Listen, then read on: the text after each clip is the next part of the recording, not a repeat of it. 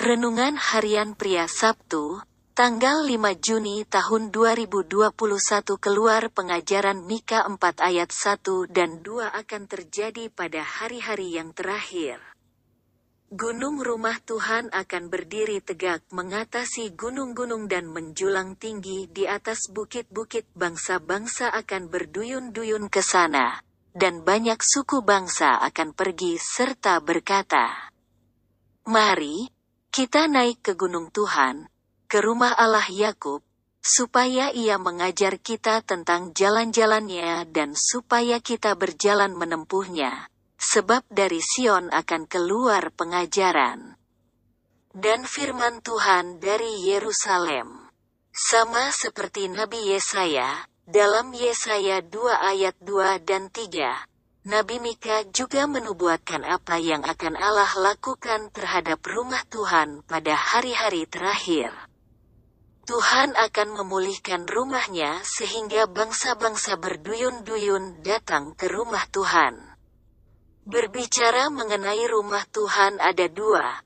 Pertama yaitu bangsa Israel dan kedua adalah gerejanya. Kita tahu bahwa Tuhan sedang melakukannya sekarang, karena kita hidup pada waktu menjelang hari-hari terakhir. Hampir setiap bulan dan bahkan hampir setiap minggu ada banyak suku bangsa dari seluruh dunia datang ke Israel untuk berziarah. Karena Tuhan sedang memulihkan bangsa pilihannya.